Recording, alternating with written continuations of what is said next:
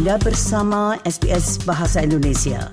Dapatkan lebih banyak lagi cerita bagus di sbs.com.au garis miring Indonesia.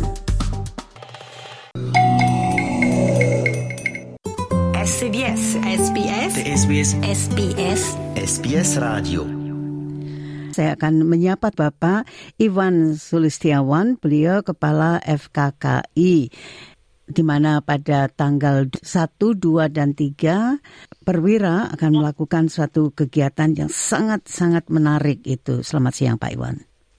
Selamat siang Mbak Sri, apa kabar? Bagus, bagus Bapak. Nah di jalur yang lain dari Indonesia, Ibu Eva, beliau desainer dari Betari Betara. Selamat siang Bu Eva. Halo, sorry, saya Vita. Oh Bu Vita, aduh tulisan saya memang Vita di depan saya ini. Tapi mengapa mata dan mulut saya ini sudah tidak sinkron. Mohon maaf ini Bu Vita. Nah, Pak Iwan. J, Pak Sri. Ya. Mohon diberitahukan kepada pendengar kami. Jadi pada tanggal 1, 2, dan 3 itu perwira terutamanya di sini akan menyelenggarakan satu yaitu Indonesian Modest Fashion Week, Week, Melbourne tanggal 1 dan tanggal 2 dan 3 itu adalah festivalnya. Begitu kan? Mohon dijelaskan. Ya, terima kasih Ibu Sridin. Begini, Indonesian Modest Fashion Week Melbourne ini adalah penyelenggaraan yang kedua. Kita sudah menyelenggarakan, Alhamdulillah, dengan lancar pada tahun kemarin. Dengan total ada 11 desainer yang tahun kemarin itu datang dari Indonesia. Dan semuanya adalah pelaku industri usaha kecil menengah. Nah, untuk tahun ini Bu Sri sudah ada 22 yang komit untuk datang dan ikut di pagelaran Modest Fashion Week ini. Kenapa Fashion Week? Karena rangkaiannya sebenarnya lebih, Bu. Tanggal 1, 2, 3, 4, dan 5. Jadi ada lima hari. Mengapa Ya, lima hari? gimana? Jadi lima hari itu apa saja? Ya, pertama itu Fashion Runway atau lebih akrabnya dikenal dengan Fashion Show yang akan diselenggarakan di Ian Potter Queen's Hall yang ada di Victoria State Library yang ada di Swanston Street. Kemudian tanggal 2 dan 3 itu adalah trade show yang kita gabungkan dengan uh, festival fashion, food, and art. Karena di situ juga ada workshop untuk membatik, ada, ada cultural performance dari Indonesia dan dari beberapa negara lain. Dan juga para desainer yang ikut itu akan membuka stolnya di situ, terbuka bagi para pengunjung untuk membeli dan berbelanja. Kesempatan ini sebelum lebaran. Langsung ini jadi bukan baju yang mass production, tapi langsung dari desainernya. Dari butiknya. Terus Iya. tanggal 4 limanya? Tanggal 4 itu adalah workshop. Workshop itu khusus, tidak ini tidak terbuka untuk umum, tapi khusus untuk para desainer. Mereka akan mendapatkan pengetahuan tentang Australian fashion dan Australian market. Nah, jadi di situ para desainer itu akan mendapatkan edukasi kesukaan orang Australia itu dengan Seperti fashion itu seperti apa. Ya. Nah, kan harus menyesuaikan Ibu. Begitu. Dan eh, Bu Vita dari Betari Betara itu adalah salah satu dari 22 designers yang nantinya akan menampilkan karya-karyanya itu. Nah, mungkin Bu Vita dapat memberikan sedikit penjelasan. Jadi, bagaimana kecenderungan dari desain ibu itu misalnya? Kalau saya misalkan jalan terus lihat, oh itu sepertinya dari Betari Betara itu, itu maksud saya. Halo Bu Sri, terima kasih. Jadi kalau dari Betari Betara, itu kita setahun yang lalu juga sudah ikut di Festival Indonesian Modest Fashion Week ini. Dan tahun ini kita juga ikut kembali. Dan kita memang sebetulnya tidak menciri khaskan tertentu bahwa kita selalu memakai kain batik melulu atau kain tenun atau apa pun itu. Nah, kalau dari Betari Betara itu lebih mengangkat karena kita kerjasamanya dengan para pelaku UMKM yang ada di Kota Malang, terutama saya. Ini kan tinggalnya di Malang. Jadi kita itu banyaknya memakai kain apa yang ada di Indonesia, yang dibuat dari Indonesia. Kemudian kita desain dan karena ini adalah pasarnya Australia, ya kita berusaha untuk mencari seperti apa desain-desain baju yang disukai dan diminati oleh market di Australia, terutama para penduduk lokal ya, yang selama ini kan pastinya berbeda dengan uh, desain-desain untuk Indonesia. Dan kenapa Betari Betara? Karena kami ini adalah satu produk fashion yang untuk tidak hanya untuk wanita. Jadi betari itu untuk wanita dan Betara, betaranya untuk laki-laki. Betul begitu. Hmm. Seperti itu. Jadi kita selalu ada dua produk untuk wanita dan untuk laki-laki. Nah, kebetulan yang tahun kemarin itu kita pakainya bawa batik dengan lurik dan kalau yang tahun ini kita akan membawa eco print. Jadi sekarang kan lagi marak juga ekoprint di Indonesia, jadi saya coba bawa ini untuk di acara nanti. Seperti itu Bu Sri. Ya. Ibu, karena sudah pernah mengikuti di tahun 2023 itu jadi dari 2023 itu apa yang didapatkan Ibu sebagai seorang desainer dari Ya. keikutsertaannya itu? Betul. Dari 2023 itu yang kita bisa ambil pengalaman kita waktu itu. Jadi kita ngambilnya dari sisi desain apa sih yang diminati. Waktu itu kan juga ada workshop dan dikasih tahu dari sisi apa kesukaan orang Australia seperti apa. Jadi tidak bisa kita membawa desain yang disukai market Indonesia lokal itu kita bawa ke sana secara mentah gitu seperti ini ya nggak bisa. Jadi kita mesti olah lagi desainnya. Jadi yang kemarin saya lebih senang tabrak-tabrak eh, motif dan lain-lain dan lebih rame. Mungkin untuk tahun ini saya lebih ambil satu motif saja tapi lebih minimalis dan lebih bisa dipakai untuk semua kalangan, tidak merujuk ke satu target market aja seperti itu Bu. Iya, memang itu berarti merupakan salah satu misinya ya untuk tidak mengklasifikasikan target market itu tadi. Yang saya maksud tidak mengklasifikasikan target market, eh, takutnya kadang orang berpikir mode fashion itu crowdnya untuk muslim saja gitu. Padahal sebetulnya yang namanya mode fashion itu untuk eh, Semua orang, iya. Ya, akhirnya saya memilih untuk itu gitu. Ibu dari sudut desain itu sendiri, ini karena ada kata modus itu, jadi ini sebetulnya tadi Ibu sudah mengatakan sebetulnya juga, tapi saya ingin penjelasannya lebih lanjut lagi. Artinya karena ini bukan hanya untuk ditujukan untuk pasar Muslim, jadi ini harus dapat juga menarik pasar-pasar yang lain kan terutamanya dari masyarakat Australia kalau hanya masyarakat Indonesia atau diaspora Indonesia saja kan jumlahnya tidak begitu banyak tapi kalau itu bisa menarik pasar Australia pada umumnya nah itu kan yang memang diharapkan kan begitu kan Ibu Betul sekali Bu Sri. Itu yang sangat kami harapkan sebetulnya untuk acara ini adalah kita bisa menembus pasar dari eh, warga lokal Australia, tidak hanya diaspora saja gitu kan. Jadi bagaimana untuk bisa menarik hal tersebut, ya kita usahakan dengan bagaimana hasil desain kita itu bisa lebih general hasilnya. Jadi yang saya sebutkan tadi, jadi kita tidak membuat satu desain yang hanya dikhususkan dipakai untuk satu target market saja gitu. Jadi lebih general. Jadi kalau mau dipakai untuk non muslim ya sudah nggak apa-apa bisa. Jadi kalau mau dipakai untuk yang muslim bisa ditambahkan dengan lanang atau legging atau dengan inner seperti itu. Jadi sangat-sangat fleksibel tampilan desainnya nanti yang akan ditampilkan oleh Betari Betara. Nah, Pak Iwan, jadi bagaimana ini? Karena rupanya kalau saya melihat dari kecenderungannya itu Indonesian Modest Fashion Week ini kan akan dilanjutkan begitu loh kalau bisa itu tentunya. Jadi bagaimana dari pihak FKKI sendiri itu membantu para desainer kita supaya lebih sukses lagi? Anu mungkin sebelumnya mohon maaf Mbak Sri, saya bukan ketua FKKI, saya dianggap ini aja lah. Saya di situ event director untuk program ini, saya bagian dari perwira juga. Jadi untuk menjawab pertanyaan Bu Sri tadi, memang ini sudah menjadi tekad perwira ya untuk membantu uh, para UMKM terutama di bidang fashion untuk bisa dapat masuk ke pasar Australia atau paling tidak secara global.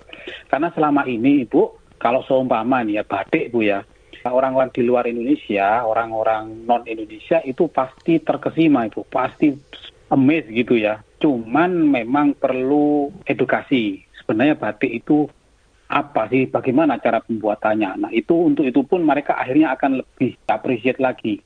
Contohnya begini Bu, yang sering saya jumpai ini Bu ya. Seperti kita melihat kain sari dari India Ibu ya. Itu kan bagus Bu ya. Tapi apakah kita akan membeli kita sebagai orang Indonesia? Kemungkinan kecil. Karena apa? Karena secara kultural kita tidak terikat. Kemudian kalau beli nanti akan dipakai di acara apa? Ke kantor atau gimana? Kan kita masih mikir. Sama seperti yang kita temui juga di Australia ini, untuk membeli itu orangnya masih mikir. Karena apa? Produk Indonesia itu sangat etnikal. Ini makanya selama ini pelan-pelan kita didik, ini teman-teman yang desainer itu melihat pasar Australia dan pasar-pasar dari negara lainnya itu kalau Australia kan itu cara berpakainya konservatif ibu, tidak mau ruwet, tidak mau ribet. Nah sedangkan banyak desainer Indonesia itu cara pakainya saja sudah ribet. Kalau semua itu celana, selain ada sudah di ini kan di pinggang, masih ada ikatan-ikatan yang lainnya, jadi ribet. Dan dari sisi corak terlalu kultural. Kalau itu orang untuk orang Indonesia, orang Indonesia pasti tertarik karena secara kultur mereka sudah masuk. Nah, tapi untuk di Australia dan pasar lainnya itu lebih baik untuk dinetralkan apa etnisitinya. Meskipun itu tetap batik, cuman semua orang itu akan bisa pakai. Begitu kira-kira. Jadi tujuannya kita itu, kita sebagai diaspora Indonesia di luar negeri itu untuk menjembatani tahap-tahap awal itu nanti, meskipun nanti itu kami yakin yang akan menonton fashion, yang akan membeli produk-produk mereka tetap akan diaspora. Tapi dari situ itu kan sudah terhitung ekspor bagi teman-teman UKM. Pelan-pelan nanti akan diserap, akan menjadi apa ya? Belajar nanti dan dengannya waktu nanti teman-teman yang Australia, orang-orang Australia yang dari budaya lain juga akan membeli dan tertarik. Begitu Ibu sih. Terima kasih Pak Iwan. Menarik sekali Pak Iwan mengangkat masalah sari itu. Karena hmm. sari itu kan lebih spesifik. Ya, batik juga spesifik. Memang tapi batik itu kan kainnya. Tapi ya bentuknya, modenya kan beda begitu. Kalau sari kan saya pun misalnya ya satu saya pendek, dua badan itu ya gelembung sana, gelembung sini nggak keruan begitu ya. Tapi seandainya pun saya langsing, mungkin saya juga akan mikir begitu loh untuk memakai sari itu sendiri. Tapi kalau batik kan lain lagi masalahnya. Apa masih banyak miripnya juga dengan baju-baju yang lain. Mungkin mungkin Bu Vita ini yang dapat menjelaskan. Mungkin begini maksud Ya tadi dari Pak Iwan itu lebih ke kain tradisional dengan cara penggunaannya saja. Mungkin kalau memang kalau sari dan batik itu berbeda, sangat berbedanya itu karena kalau sari itu adalah kain panjang yang dipakainya berlilit-lilit dan dipakai kebanyakan oleh orang India ya karena seperti mereka tuh seperti memang budayanya memakai hal tersebut. Kalau di Indonesia mungkin uh, itu akan dijadikan seperti kain kain jarit. Tapi kalau kebaya kain dan kain, itu, maaf. Betul, kebaya dan kain jari yang bawahan yeah, itu kan yeah. dililit-lilit dengan kebaya yang kebaya simpel ya Bu ya dengan bahan-bahan seperti lurik atau kebaya uh, bunga-bunga seperti itu yang lebih tradisional di Indonesia. Nah, Cuman memang maksud dari Pak Iwan itu tadi eh, yang bisa saya tangkap adalah bagaimana cara para desainer Indonesia yang ingin masuk ke Australia, pasar Australia, lah, betul, dan akan ke global itu kita harus memahami kebiasaan-kebiasaan orang Australia terutama ya itu seperti apa mereka memakai baju. Nah itu itu kita pelajarin saat tahun kemarin gitu loh. Jadi ternyata mereka orang Australia yang seperti disebutkan Pak Iwan, jadi mereka maunya simple, mereka nggak mau yang terlalu apa terlalu rame betul. Tabrak-tabrak motif oke okay lah tapi kalau terlalu rame itu mereka juga nggak akan mau dan akan mikirnya tuh mau dipakai ke mana seperti itu. Beda kalau dengan orang yang memang suka dengan ethnic fashion. Kalau memang orang yang memang sudah stylish dan dia memang suka dengan ethnic fashion, dia mau pakai dengan cara apa pun dia akan pakai Dilakukan. gitu loh. Yeah, Betul. Yeah. Namun kita kan harus menembus orang yang common people ya, maksudnya orang-orang yang biasa-biasa aja yang ingin yeah. oh aku suka nih batik ini, oh ternyata cuma modelnya hanya kemeja aja, tapi meskipun simple kok bagus ya gitu, dan nggak terlalu rame gitu kan, akhirnya dia beli gitu. Nah itu tantangan kita untuk seorang yeah. desainer, bagaimana caranya mewujudkan hal tersebut, Bu Sri. Jadi ya Nah, itu yang nanti akan pelan-pelan kita dipikirkan wujudkan. ya. Nah, Betul. Ibu, menarik sekali Ibu mengatakan oh kalau kemeja. Nah, Ibu kemeja memang sulit untuk dijadikan suatu pedoman karena kemeja itu ya memang kemeja seperti itu Ya, sampai ya. kapan pun itu maksud saya. Betul. Jadi betul kata ibu bahwa kalau kemeja titik beratnya adalah coraknya, kainnya itu yang macam mana kan begitu. Ya. Kalau saya mengatakan untuk desainernya sendiri, ya tidak akan banyak berubah. Namanya kemeja ya ada lengan pendek atau lengan panjang, ada eh, kerahnya atau tidak ada kerahnya kemungkinan itu saja. Tapi kalau baju perempuan lah, ini yang harus dipisahkan juga kan Ibu untuk Ya. orang muda, orang separuh baya atau Iya. manula dan Iya. sebagainya. Betul Ibu. Nah, sedangkan kalau kita mengikuti semua itu ya, maksudnya kita tidak segmentedkan kita untuk ke target usia berapa, kita akan kesulitan dengan produksinya ya. Tapi kalau kita berusaha untuk general, kita misalkan ambil, oke, eh, desain saya masih bisa kok dipakai dari usia remaja Ya. sampai usia Paruh lanjut yang masih fit dan paruh baya ya masih bisa gitu. Jadi kita berusaha untuk itu Bu. Jadi ya akhirnya kita cari desain yang simple-simple banget gitu loh. Dibilang simple tapi kita harus memikirkan dari sisi detail kainnya. Kita mix dengan kain apa gitu misalkan dengan kain polos. Karena kalau terlalu banyak motif kan juga akhirnya terlalu rame juga. Jadi akhirnya kita bermain dengan mix dengan kain polos supaya orang Australia ataupun diaspora yang ada di Australia itu juga tertarik. Oh, ini kayaknya beda deh sama yang biasanya seperti itu. Jadi kita harus berusaha mewujudkan desain itu yang different ya Ibu ya. Memang Jadi, harus selalu begitu, eh, Ibu. Betul, harus different. Jadi maksudnya tidak biasa. Kalau biasa aja ya kita bisa ambil. Tapi memang meskipun dengan yang biasa atau yang tidak biasa itu tetap kita jual juga karena kan namanya selera itu berbeda-beda ya Bu ya. Kadang kita pasti harus membawa yang klasik, tapi kita juga harus membawa yang idealisnya Kekinian. si betul idealisnya si desainer dan harus dimix dengan yang kekinian yang Ibu Sri bilang tadi, yang sesuai dengan marketnya seperti itu. Ibu, saya pusing Ya. sebetulnya gitu. Untuk saya bukan pengusaha dalam bidang tersebut karena terus terang saja saya pusing gitu. Karena saya dekat dengan orang yang memang bekerja di bidang itu juga. Saya dapat mengerti seperti apa itu menyesuaikan dan menyasar pasar dengan tepat itu. Nah, satu hal lagi Bu Vita, yaitu Ya. karena Bu Vita sudah pu- punya pengalaman dan tentunya sudah kalau orang Jawa mengatakan sudah punya gaman, sudah punya senjata. Jadi untuk Betari Betara ini prospeknya bagaimana? Kalau kita berbicara tentang pasar Australia atau pasar global. Oke, sebetulnya kalau untuk acara ini kan Betari Betara sudah tahun yang kedua. Namun sekitar lima tahun yang lalu itu saya juga mulai belajar masuk ke pasar Australia dengan brand yang berbeda. Itu sudah kita trial selama lima tahun. Ini kepotong pandemi ya. Itu jadi apa yang kita tampilkan di IMFWM di 2023 dan 2024 ini merupakan hasil pelajaran kami selama lima tahun sebelumnya Bu Sri gitu loh. Nah harapan kami, cita-cita kami yang saat lima tahun yang lalu itu akan bisa diwujudkan di tahun berikutnya karena kan di acara ini kan lebih besar dari acara yang sebelum-sebelumnya. Jadi ada satu tempat di City Melbourne yang mana bisa mewakili seperti mini Indonesia gitu. Jadi di situ dijual gitu barang-barang kita. Jadi Sudah ada eh, Ibu? Ah itu belum, itu belum. Kayaknya in progress ya, on progress ya. Bismillah semoga akan ada gitu. Jadi itu yang kami harapkan dan di mana nanti ada ya mungkin dari pelaku usaha fashion di Australia yang bisa mengajak kerjasama kita gitu loh. Dengan demikian kan kita juga membantu para UMKM yang memproduksi kain-kain tersebut gitu loh. Jadi Iya. kita saling menguntungkan. Kami sebagai desainer kan mewujudkan fashionnya ya Bu ya. Tapi kami kan juga bekerja sama dengan para perajin kain. Iya. Ya Betul. memang yang namanya fashion kan memang begitu. Kecuali kalau memang itu Betul. suatu perusahaan yang besar, jadi dari A sampai Z itu sudah Ya. iya. Eh, Mengapa saya tanyakan tadi? Karena selama ini yang saya kenal di Melbourne terutamanya itu hanya ada Indo Fashion. Itu memang sudah menampilkan dirinya dan saya banyak mempunyai koleksi dari Indo Fashion itu karena apa?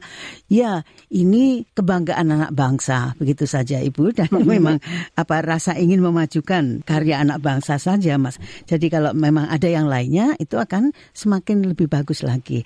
Nah, terima kasih sekali Bu Veta kalau itu dapat Sama-sama. dilaksanakan. Pak Iwan, jadi Ya. untuk festivalnya itu sendiri bagaimana Pak Iwan? Untuk festivalnya Ibu nanti jadi itu kita ada trade show, jadi para perancang di situ akan membuka stall dan membuka ruang untuk publik untuk mengakses, melihat, mengapresiasi dan membeli produk-produknya mumpung sebelum menjelang hari raya. Nah, selain itu akan ada makanan dari pelaku usaha kulineri Indonesia yang ada di kota Melbourne dan pastinya ada cultural performance baik itu kultur-kultur Indonesia dan beberapa kultur yang lain. Nah, kebetulan juga tahun ini kita akan membuka booth untuk teman-teman dari komunitas Melbourne yang berlatar belakang dari negara-negara ASEAN. Ada dua booth yang akan kita buka di sana.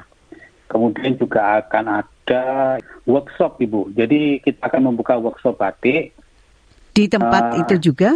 di Queen Street Di itu Queen- salah satu stall akan kita buka jadi nanti ada Ibu Dora Melati yang akan mempraktekkan gimana sih membatik itu gimana sih susahnya gimana mulai mencantingnya nyoret dulu gambar dulu kemudian di di wax ditutup dengan malam pewarnaan kemudian dilorot lagi dikasih Jadi prosesnya dari awal prosesnya. ibaratnya. jadi di situ ada edukasi oh begini bikinnya dan mereka pasti akan lebih mengapresiasi dan akan tahu kenapa kok batik yang tulis itu kok mahal. Kadang-kadang mereka kan orang-orang Australia yang pernah ke Indonesia, biasanya kan mereka itu dapat pa- batik terutama ya.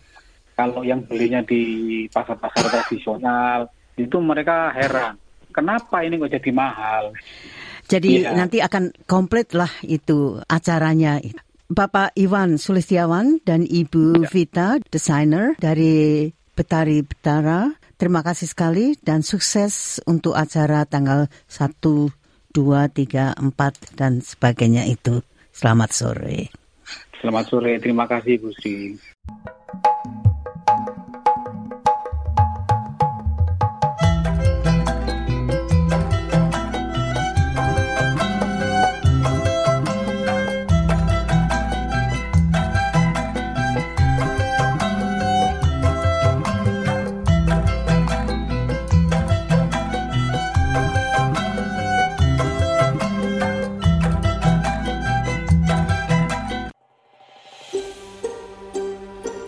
Sukai, berbagi, komentar. Ikuti SBS program Bahasa Indonesia di Facebook.